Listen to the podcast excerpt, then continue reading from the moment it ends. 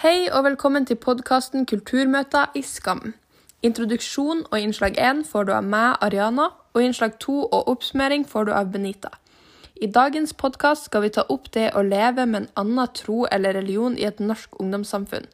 Vi har sett episode 1 og 7 i sesong 4 av den norske serien Skam, der vi ser mange eksempler på kulturmøter.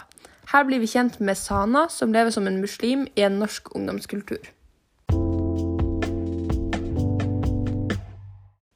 I første episoden av sesong fire er det en scene hvor jenten spiser pizza, og Vilde snakker om sexlivet hennes med en gutt som heter Magnus. Samtidig som hun heller dressing over pizzaen sin og får masse pizzadressing rundt munnen, og fortsetter å snakke om sexlivet sitt og det å komme og komme og komme. Her viser Hosana det vi gjerne liker å kalle for kulturrelativisme.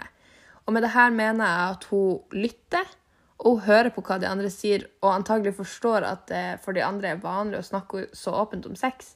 Men samtidig så uttrykker hun at uh, hun mener at sex er privat, og det er noe man ikke behøver å fortelle med hele verden. Og det er noe som skal være koselig og fint mellom to uh, mennesker.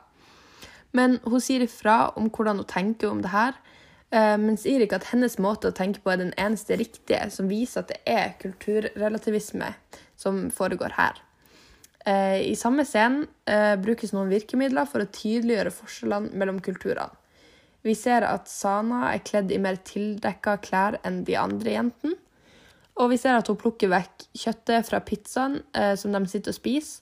Og, vi ser også at hun ikke deltar like aktivt i samtalen om sex før hun uttrykker at hun har hørt nok.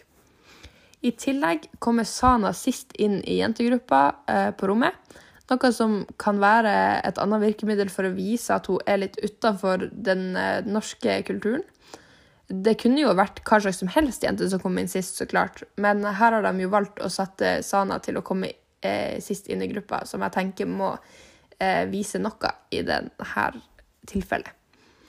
Uh, av jentene i gruppa her uh, er alle, bortsett fra Sana, norske jenter. Og det er også et eksempel som viser at Sana er fra en minoritetskultur i sin egen vennegjeng.